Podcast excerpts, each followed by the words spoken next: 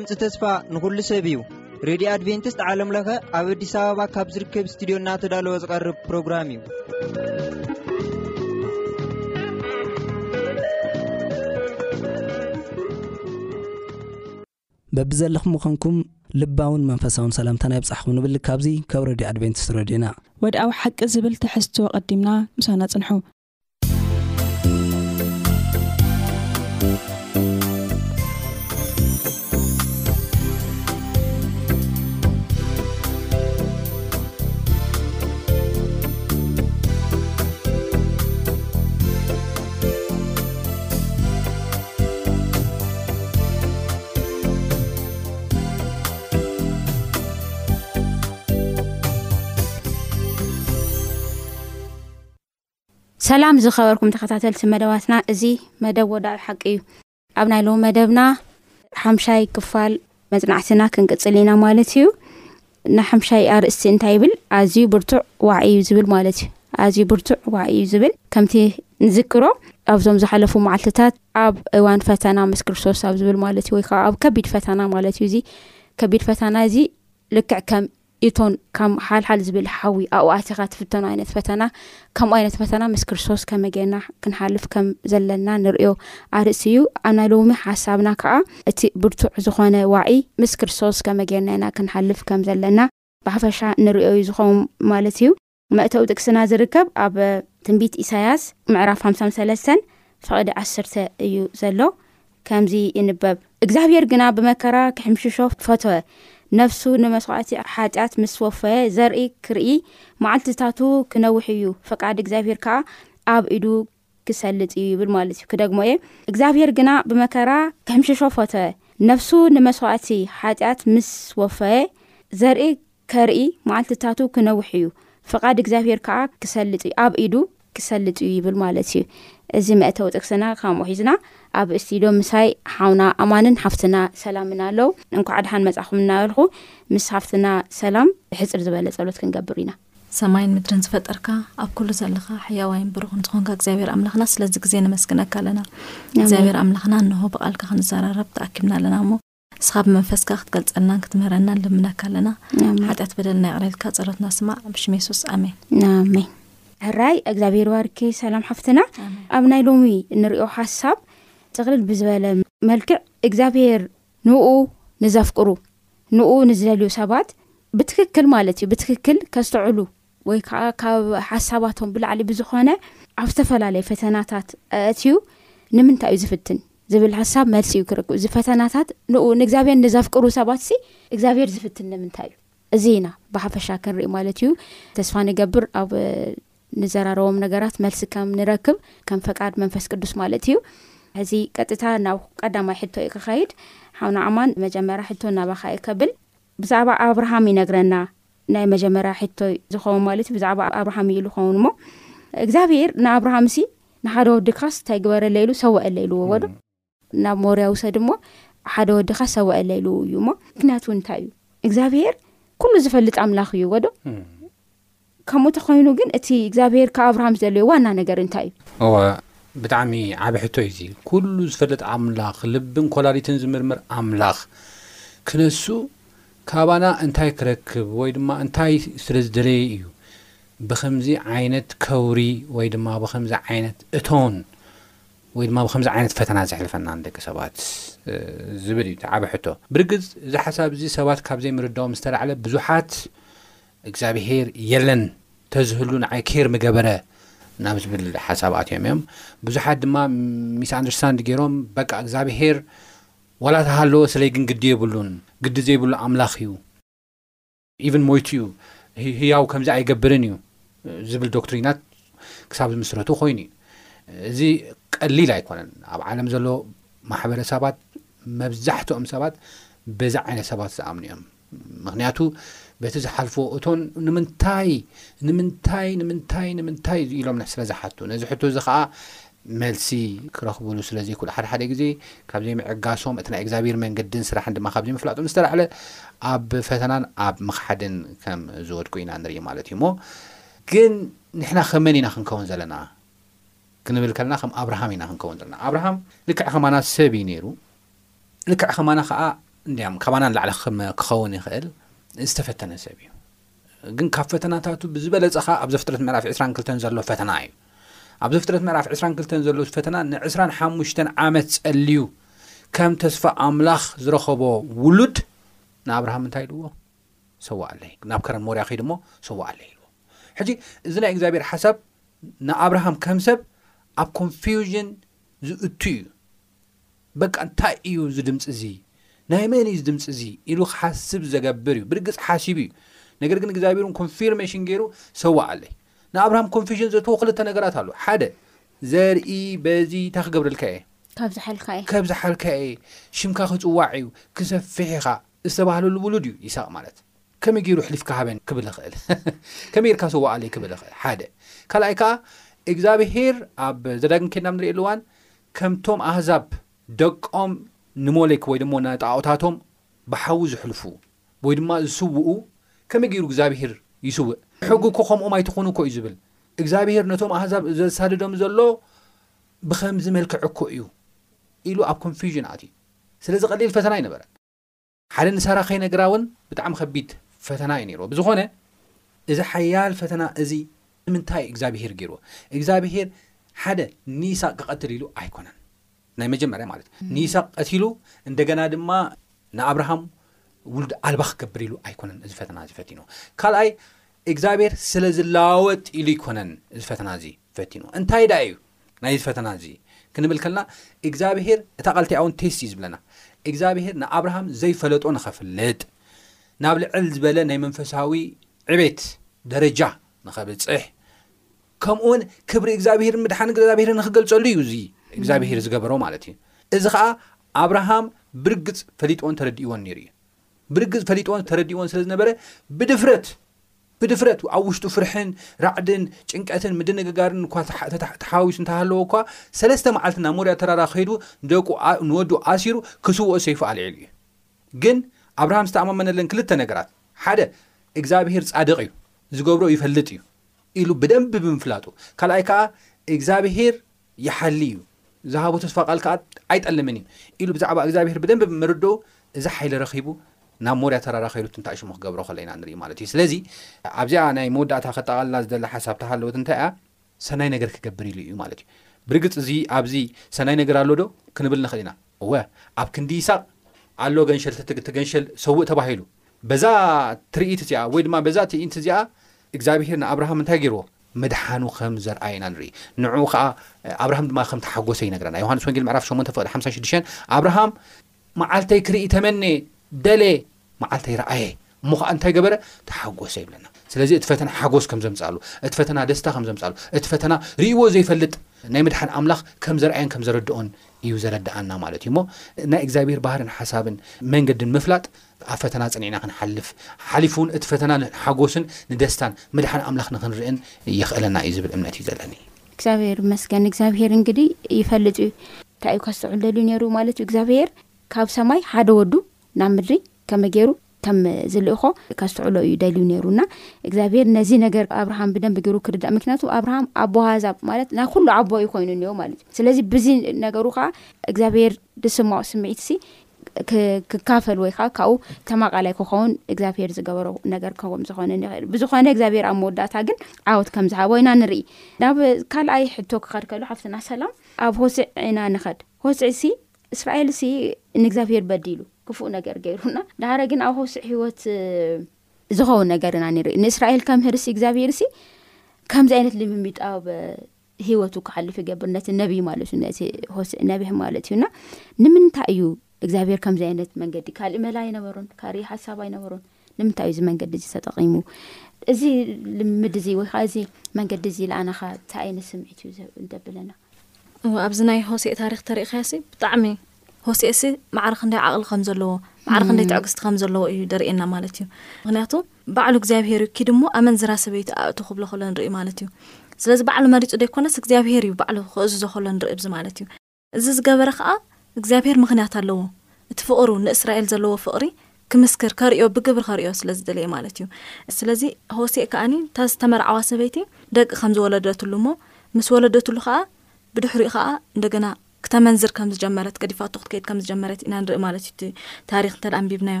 ስለዚ እዚ ከኣ ዘርእየና እቲ ናይ እስራኤል ባህሪ እዩ ማለት እዩ እስራኤላውያን ድሕሪ ጣዖት ይኸዱ ከም ዝነበሩ ሕጊ ኣምላኽ የፍርሱ ከም ዝነበሩ ዋላ እንተንቢብካዮ በቃ እታ ከተማስ ብደም መሊኣ ከም ዝነበረት ሓጢኣት ዝሰርሑ ከም ዝነበሩ ዝተፈላለዩ ዓይነት ሓጢኣት ኣብ እስራኤል ከም ዝነበረ ንእግዚኣብሔር ስጠቕሊሎም ከም ዝረስዕዎ ኢና ንርኢ ማለት እዩ ስለዚ እግዚኣብሔር ከዓ ብግብሪ ከርእዮም ስለ ዝደለየ እንታይ ክብል ከሎ ኢና ንርኢ ኪድ እሞ ኣመንዝራ ሰበይቲ ኣእቱ ክብሎ ከሎ ኢና ንርኢ ማለት እዩ ሕጂ ደቂ ከምቲ ሆሴ ኣብዚ ንሪኦ ብግብሪ ዓቕሉ ንሪኦ ናይ እግዚኣብሔር ትዕግስቲ እዩ ከዓ ዝምህረና ማለት እዩ ኣባና ዘለዎ ትዕግስቲ ኣባና ዘለዎ ፍቕሪ ማለት እዩ ብዙሕ ግዜ ካብ እግዚኣብሔር ወላ እንተዓለና ግን እግዚኣብሔር ሲ ብፍቕሩ ገይሩ ከም ዝስሕበና ኢና ንርኢ ማለት እዩ ወላ ኣብዚ ሆሴእ ክልተ ዓሰርተ ኣርባዕተ ተሪና ስተ ይብል ስለዚ እንሆ ኣነ ክሓባብላ ናብ በረኻ ክወስዳ ንልባ ከኣ ክዛረብ እየ ይብለና ስለዚ እግዚኣብሄርሲ ክንምለስ ከም ዝደልየና ኢና ንርኢ ማለት እዩ ብኡ ጌርና ክንጠፍእ ደይኮነሲ ክምህረና ከም ዝደሊ ኢና ንርኢ ማለት እዩ ሕጂ ብዙሕ ግዜ ንጋገዮ ነገር እንታይ እዩ እቲ ቀዳማይ ነገር ኣብዚ ዓይነት ፈተና ክንወደቕ ከለና ወይ ከዓ ባዕልና ብዝፈጠርናዮ ኣብ ሽግር ክንወደቕ ከለና ሲ ንኣምላኽ ነማርሮ ባዕልና ፈጢርናዮ ከለና እቲ ሽግር ኣክንዲ ናይ ርእስና ጉድለት እዩ ኢልና ንሓስብ፣ ኣምላኽ እኳ እዩ ከምዚ ገይርኒ፣ ኣምላኽ እኳ እዩ ከምዚ ገይርኒ ኢልና ነማርር፣ ግን ኣምላኽ ኩሉ ግዜ ንሰናይና ዝሓስብ ኣምላኽ ምዃኑ ኢና ንርኢ ማለት እዩ። ካልእ ከኣ እንተ ንሪኦ ከኣ እንታይ እዩ ኩሉ ግዜ ኣምላኽ ክልውጠና ከሎ ሓደ ደይንፈትዎ መገዲ እዩ ዝወስደና፣ ምኽንያቱ እቲ ባህሪና እቲ ሕማቕ ዝኾነ ባህሪና ክእለ ተኾይኑ ካብቲ ልምምድ እቲ ክንወጽእ ኣለና፣ ስለዚ ካብቲ ልምምድ እቲ ክንወጽእ ተኾይና ከኣ ብዘይንደልዮ መገዲ ንጓዓዝ እሞ፣ ደሓር በቃ የበሳጭወና ንምንታይ በዚ ይሓልፍ ኣለኹ ንብል ግን እግዚኣብሄር ካብኡ ኣማሓሊፉ ክቕይረና ስለ ዝደለየ ክልውጠና ስለ ዝደለየ እዩ በዚ ዓይነት መገዲ እዚ ክንሓልፍ ዝደልየና እሞ ካብ ሆሴ ከዓ እዚ ዓይነት ታሪክ ኢና ንምሃር ማለት እዩ ኣሜን እግዚኣብሔር ይመስገን ተባረኺ ሓብትና ሰላም ከቢድ ዝኾነ ልምምድ እዩ ሓሊፉ እቲ ነቢይ ማለት እዩ ግን ነቲ ህዝቢ ካብ መንገዲ እግዚኣብሄር ምኻዱ ንእግዚኣብሄር ገዲፉ ምኻዱ ከምህር ደልዩ እግዚኣብሄር ነዚ ነቢይ እዚ ብከምዚ ዓይነት መንገዲ ከም ዝሓለፎ ኢና ንዛረብ ንርኢ ማለት እዩና እዞም ሰባት ብናዓሎም ንእግዚኣብሄር ገዲፎም ብምኻዶም ግን ኣብ ስቃይ ከም ዝነበሩ ኢና ንርኢ ምናልባት ሓና ልቢ ዝዘመና ሲ ንእግዚኣብሄር ገዲፍና ክንካየድ ከለና ኣብ ብዙሕ ስቃይ ንኣቲና ማለት እዩ ኣብ ስቃይ ኣብ ልኣተናሉ ግዜ እግዚኣብሄር ግን ሱቃ ይብለናን ካብቲ ለለናዮ ቦታ ንካውፀና እንትን ይብል ኣብ ስራሕ ይርከብ ማለት እዩ ብዙሕ ግዜ ገዲፍናዮ ካይናስ ዋይ ገዲፎምኒ እዮ እሞ በቃ ገድፎም እየ ኢሉ ኣይገድፍን እግዚኣብሔር ዋላ እቲ ናይ ሓጢኣት ዝገበርናዮ እቲ ዝገበርናዮ ነገር ፍረ ናቲ ሓጢኣትና እናበላዕና ዋላሲ ግን ካብኡ ንከውፀና ስራሕና ይሰርሕ ከም ዝኾነ ኢና ንርኢ እቲ ናይ ሆሴ ልምምድ እዚ እዩ ዝነግረና ማለት እዩና ቀፂልና ንሪኦ ሓሳብ ከዓ እግዚኣብሔር ዋርክ ሓፍትና ሰላም ቀፂልና ንሪኦ ሓሳብ ከዓ ከቢድ ኣዚ ወይ ከዓ ብርቱዕ ኣብ ዝኾነ ዋዒ ክንሃልፍ ከለና ካልእ እውን እግዚኣብሄር ዝህበና ሓይሊ ኣሎ ማለት እዩ ንእግዚኣብሄር ርኢና ንእግዚኣብሄር ሰምዕና ንእግዚኣብሄር ተኸትልና ንኡ ፅራሕ መሪፅና ክንካን ናይ እግዚኣብሄር ሓሳብ እዩና ሕዚ ኣብ እዮብ ምዕራፍ ሓደ ኢና ንካ ድሞ ካብ እዮብ መከራ እዮብ እንግዲህ ብዙሕ ክሻዕ ንምሃር ኢና ብዙሕ ሳዕ ንርኢ ኢና እና ካብ እዮብ ንምሃሮ ነገር እንታይ እዩ ናቲ መከራ ከዓ እቲ ምክንያት እንታይ እዩ እዮብ ካብ ከመይ ገይሩ እዩ ስዒርዎ ነቲ መከርኡ ማለት እዩ ብጣዕሚ ዝገርም ሓሳብ እዩ ዘሎ ማለት እዮብ ኣብ መጽሓፍ ቅዱስ ካብ ዘለው ብእቶን ካብ ዝሓለፉ ሰባት ዝለዓለ እዩ ክንብሎ ንኽእል ኢና ብጣዕሚ ብጣዕሚ I think ክነፃፀር ከሎ እዮብ ዝሓለፎ መከራ ኣዝዩ ኣዝዩ ኣዝዩ ዝኸበደ እዩ እሞ፣ መፅሓፍ ንባዕሉ ናይ ስቓይ መፅሓፍ፣ ናይ ተስፋ መፅሓፍ ክንብሎ ንኽእል ኢና፣ ናይ ምድሓን መፅሓፍ እውን ክንብሎ ንኽእል ኢና እሞ፣ ኣብዚ ከምቲ ዝሓተትክዮ ክሕተት ዝግብኦ ሓደ ዓቢ ሕቶ፣ እወ ንብረቱ ክጠፍእ ዝገበረ፣ ደቁ ክጠፍእ ዝገበረ፣ ንዕኡ እውን ብቑስሊ ክውቃዕ ዝገበረ፣ ኣዕሩኽቱ መፂኦሙ ክኽስዎ ዝገበረ፣ እዮብ ኮታስ በይኑ ኣብ ፀልማት ኣብ ደልሃመት ክኣቱ ዝገበረ ሰይጣን ምዃኑ ዝፍሉጥ እዩ ግን፣ እዚ ኹሉ ሰይጣን ንኽገብር ከኣ ፍቓድ ዝሃቦ ኸኣ እግዚኣብሄር እዩ። ንምንታይ? እዮብ እኮ ንእግዚኣብሄር ዝፈርሕ ጻድቕ ፍጹም ሰብ እዩ ነይሩ። ኢቭን ደቁ እኳ በዲሎም እዮም ኢሉ ንእግዚኣብሄር ንኸይሕዝኑ በዲሎም እዮም ኢሉ መስዋእቲ ዘቕርብ ዝነበረ ሰብ እዩ። እዚ ኹሉ ፈተና እዚ ኹሉ መከራ ኣብ ምንትምንታይ እዩ? ብጣዕሚ ዝገርም እዩ ከምቲ ቅድም ኢለ ዝበልክዎ ሰይጣን እዩ እዚ ኩሉ ምጽዎ እዚ ፍሉጥ እዩ መጽሓፍ ቅዱስ ይነግረና እዩ ኣብ ደልሃመት ብሕታውነት ሰበይቱ ገዲፋቶ ኩሉ ገዲፎ በይኑ ከኣቱ ዝገበሮ ሰይጣን እዩ በርግጽ ግን ንምንታይ እግዚኣብሄር ፈቂድሉ ሰይጣን ናይ እግዚኣብሄር ፍቃድ ረኺቡ እዩ ዝኸይድ ነይሩ ናይ እግዚኣብሄር ፍቃድ ረኺቡ እዩ ዝኸይድ ነይሩ ህይወቱ ጥራሕ ኣይትተንክፍ እምበር ኣብ ኢድካ እዩ እናበለ ዝፈቅደሉ ነበረ እግዚኣብሄር ዋይ ምንታይ ብጣዕሚ ዝገርም ዝገርም ሕቶ እዩ ኣብዚ ንሪኦ ማለት እዩ እና በዚ ዓይነት ሓሳብ ኮይኑ ኣነ ዝገርመን ሓደ ነገር ተሃለዎ እንታይ እዩ እዮብ ግን ምላሹ እንታይ እዩ ነይሩ ዝብል እዩ እዮብ ጠርሐካ ማህፀና ደይ ወፀ ጠርሐካክምለስ ክምለስ ኢሉ እዩ መሊሱ ሽም እግዚኣብሄር ብሩኽ ይኹን ኢሉ ጭራሽ ኣምላኽ ኣመስኪኑ እግዚኣብሄር ልዕል ይበል ኢሉ ከምስግን ከሎ ኢና ንርኢ ጭራሽ ንሰበይቱ ወኣቲ ንስኺ ንምንታይ ከምተን ሰነፋት ኣንስቲ ትዛረቢ ንሕና ካብ እግዚኣብሔር ሰናይ ነገር ተቐቢልና ስክፉዶ ክንቅበላ ኣይንኽእልና እናበለ እዩ ዝምልስ ዘሎ ከመይ ከመይ እዩ ዘሎት ነገር እዚ እቲ ሓቂ እዮብ ናይ እግዚኣብሄር መንገዲ ናይ እግዚኣብሄር ስራሕ ናይ እግዚኣብሄር ፅድቂ ብደንቢ ዝተረድአ ሰብ እዩ ነይሩ በቃ እዚኣ ናይ ሎሚ ዋና ቲምና እዚኣ እያ ተዋና ትምህርትና ብደንቢ ተረድአ ሰብ እዩ ነይሩ እግዚኣብሄር ጻድቅ እዩ ኣይጋገን እዩ ዝገብሮ ነገር ድማ ዝፈልጥ እዩ ፍቅሪ እዩ እግዚኣብሄር ኢቭን ኣብ ፈተና ንዓይ ዘለዎ ሓሳብ ሰናይ እዩ ዝብል እዚ ብደንቢ ናይ እግዚኣብሄር መንገድታት ከመይ ገይሩ እዩ ንዓይ ፒሪፋይ ክገብረኒ ዝኽእል ከመይ ገይሩ እዩ ከንጽሃኒ ዝኽእል ከመይ ገይሩ እዩ ናብ ሓደ ደረጃ ከብጽሓኒ ዝኽእል ናይ እግዚኣብሄር መንገዲ ብደንቢ ተረድአ ሰብ እዩ ነይሩ እምበር ናይ እዮብ ኮ ካብ ኣዝዩ ልዑል ህይወት ኢማጅን ሃፍታም እዩ ነይሩ ዝተኸብረ እዩ ነይሩ ሰባት ኣብ እዮብ ምዕራፍ 22 ብፍላይ 23 24 ኬድከብ ትርኢ ኣለዎ እዮብ ክዛረብ ከሎ ኣነ ክመፅእ ከለኹስ ይብሉ ኣነ ክመጽእ ከሎ ኩሉ ዓብዩ ንእሽተይ እዩ ዝትስእ ነይሩ ካብ ከምዚ ዓይነት ክብሪ ናብ ውርደት እዩ ናብ ውርደት እዩ ወሪዱ ቀሊል ኣይነበረ ክኾነ እዮብ ውድቀት ግን ምንም ኣይመሰሎን ሸይክ ኣይኮነን እምነቱ ኣይተናቓነቐን ጸኒዑ ጭራሽ ዲፈንድ ክገብሮም ከሎ ናይ እግዚኣብሔር ጽድቂ ዲፈንድ ክገብር ከሎ ኢና ንርኢ ኣነ ብጣዕሚ ዝገርመኒ እሞ ናይ እግዚኣብሔር ሓሳብ ስለተረደዩ ናይ እግዚኣብሔር መንገዲ ስለዝተረደየ እዩ ዝብል እምነት እዩ ዘለና ናይ እግዚኣብሄር መንገዲ ኣዝዩ ረቂቕ መንገዲ እዩ ከመይ ገይሩ ንዓና ከም ዘንፀሃና ከመይ ገይሩ ምድሓኑ ከም ዝገልፀልና ከመይ ገይሩ ፍቕሩ ከም ዝገልፀና ከመይ ገይሩ እቲ ኣብ ውሽጥና ዘሎ ሓጢኣትን ስስዕን ሪኣክቲቭ ናይ ምዃን ሰንሲቲቭ ናይ ምዃን ነገራት ከመይ ገይሩ በርን ከም ዝገብሮ ከም ዘቃፅሎ ይፈልጥ እዩ ናይ ሎማዕንቲ ኣርእስትና በነገራችን ላይ እንታይ ዝብል እዩ ከውሪ እግዚኣብሄርሲ ብሓዊ ኣዝዩ ብርቱዕ ዋዒ ሕጂ እዚ ብብርቱዕ ዋዒ ንምንታይ እዩ ዘሕልፈና ክብለና ከሎ እዚ ብርቱዕ ዋዒ ነቲ ሓጢኣትና ምእንቲ ክበልዖ እዩ ናይ እግዚኣብሄር ኢንቴንሽን ሕጂ ብዙሕ ግዜ ግን እዚ ብርቱዕ ዋዒ እዚ ብርቱዕ ፈተና ንሕና እንታይ ዝገብረና ንዓና ክበልዓና ዝመፅ እዩ ናይ እግዚኣብሄር ኢንቴንሽን ከምኡ ኣይኮነን ሓደ ነገር ኣሎ ብፍላይ ኣብርሃምን እዮብን ዝተረድእዎ ነገር እንታይ እቲ ዝተረድእዎ ነገር እግዚኣብሄር ኢንኮንትሮል እዩ እዚ ኩሉ ነገራት ሂወትና እውን ኣብ ዓለም ዝግበር ነገራት እውን ኣብ ኣብ ትሕቲ ቁጽጽሩ እዩ ዘሎ ካብ ትሕቲ ቁጽጽሩ ዝወጽእ ነገር የለን ስለዚ እቶ እንተመፀ ሓዊ ተመፀ ኣይናይ ነይናይ ከም ዘቃፅል ይፈልጥ እዩ ነቲ ሓጢኣትና ነቲ ክፍኣትና ንትዕቢትናን ከም ዘቃፅል ይፈልጥ እዩ ናይ መወዳእታ ክልተ ሓሳብ ክህብሞ ክውደ ተቀዳማይ ሓሳብ እንታይ እዩ በዚ ኩሉ ፈተና ክሓልፍ ከሎ ሓጋዚ ከም ዘይብሉ ኩሉ ፀላእቱ ከም ዝኾነ ምስኡ ትነብር ሰበይት እኳ ጨንኡ ፀሊኣቶ ካብኡ ኣብ ዝረሓቐትሉ እዋን ሓጋዚ ዘይብሉ ድኹም ሰብ ከም ዝኾነ ተረድእ እዩ ግን ኣብዚ ግዜ እዚ ግን እግዚኣብሄር ጻድቕ እዩ ኢሉ ዝተዛረበ ሰብ እዩ። ካብዚ ብተወሳኺ ናይ እግዚኣብሄር ጽድቂ ዝፈለጠ እዩ እሞ ንሕና እውን እዚ መንገዲ ኣምላኽ ክንፈልጥ ይግብኣና እዩ ዝብል ሓሳብ እዩ ዘለን እምበር እዚ ሕጂ ንሚስ ኣንደርስታንድ ክገብሩ ዝደልዩ ሰባት እግዚኣብሄር የለን ዓቢ መረጋገጺ ክኾኖም ይኽእል እዩ ከምኡ ግን ኣይኮነን እዮም ትብል ክልዋ ግን ያው ናዮም መጀመርታ ሕና ናዮ መጀመርትኡ ንፈልጥ መወዳእትኡ ኻን ንፈልጥ ኢና ተጻሒፉ ስለ ዝኾነ ማለት እዩ ግን እዮብ ኣይፈልጥን ነይሩ ግን እግዚኣብሄር እንታይ ይገብሮ ነይሩ ናይ ዮብ ባህሪ እንታይ ነይሩ ብስሩ እግዚኣብሄር እግዚኣብሄር ስለ ዝኾነ የምልኾ ነይሩ ማለት እዩ ሓደ መዝሙር ኒኦ ወዶ ሕቶታተይ ከም ዘለዎ ይፅናሕ ኣነ ንኣኻ ካብ ምምላኽ ኣያቋርፅን ዝብል ኒኦ ኣሕዋት ትዝምርዎ ነ ዮናታን ማለት እዩና እዚ ሰብ እዚ ነገራቱ ዋላ ኩነታቱ ምንም ይኹን ምን ንእግዚኣብሄር ምምላኽ ለሚዱ እዩ ካብኡ ዝተላዕለ እዩ እዚ እዚ ኣንቶ ክትብል ከለካ እዮብ ተንስኡ ሲ ኩሉ ምስ ሰኣነ ማለት ተንሲኡ ክዳኑ ቀዲዱስ ርእሱ ምስ ላጸየ ታይ ኢሉ ሓደ ጥራየ ካብ ከርሲ ወላዲተይ ዝወጻኹ ጥራየ ከኣ ናብኣ ክምለስ እየ ኢሉ በቃ ኣምኡ እየ መጽየ ከምኡ እየ ክኸዲ ሓደ ኣምልኾ ማለት እዩ በቃ እዚ እየ ኣነ ካልእ ነገር ኣይህሎን እዩ ካልኣይ ከዓ እንታይ ኢሉ እግዚኣብሔር ሃበ እግዚኣብሔር ከዓ ወሰደ ሽም እግዚኣብሔር ብሩኽ እዩን ሳልሳይ ከዓ ንእግዚኣብሔር ከክብሮ ንእግዚኣብሔር ከምልኾ ከሎ ኢና ንርኢ ወሃቢ እሱ ወሳዲ እሱ ተእት ኢና ንክብል ከሎ ኢና ንርኢ ኣለናና እቲ ልዕልና እግዚኣብሔር እናርኣና ንእግዚኣብሔር ኣብቲ ፈተና ክነምልኽ ከለና እንታይ ይኾን ማለት እዩ እቲ ፈተናና ካብ ቅድሜና እግዚኣብሄር ከም ዘብሎ እግዚኣብሄር ከዓ ካብ ቅድሜና ከም ዝኣልዮ ኢና ኣብዚ ንርኢ ማለት እዩና እግዚኣብሄር መስግን ናብቲ ቀፃሊ ኒኦ ሓሳብ ክንካ ድማ ካሊእ ከዓ ኣብ ካልኣይ ቆሮንቶስ ምዕራፍ ሓደ ፍቅዲ ኣርባዕተ ጳውሎስ ዝብሎ ነገር ኣሎ ሓደ ነገር እንታይ ይብል ማለት እዩ ብተስፋ ኮይንካሲ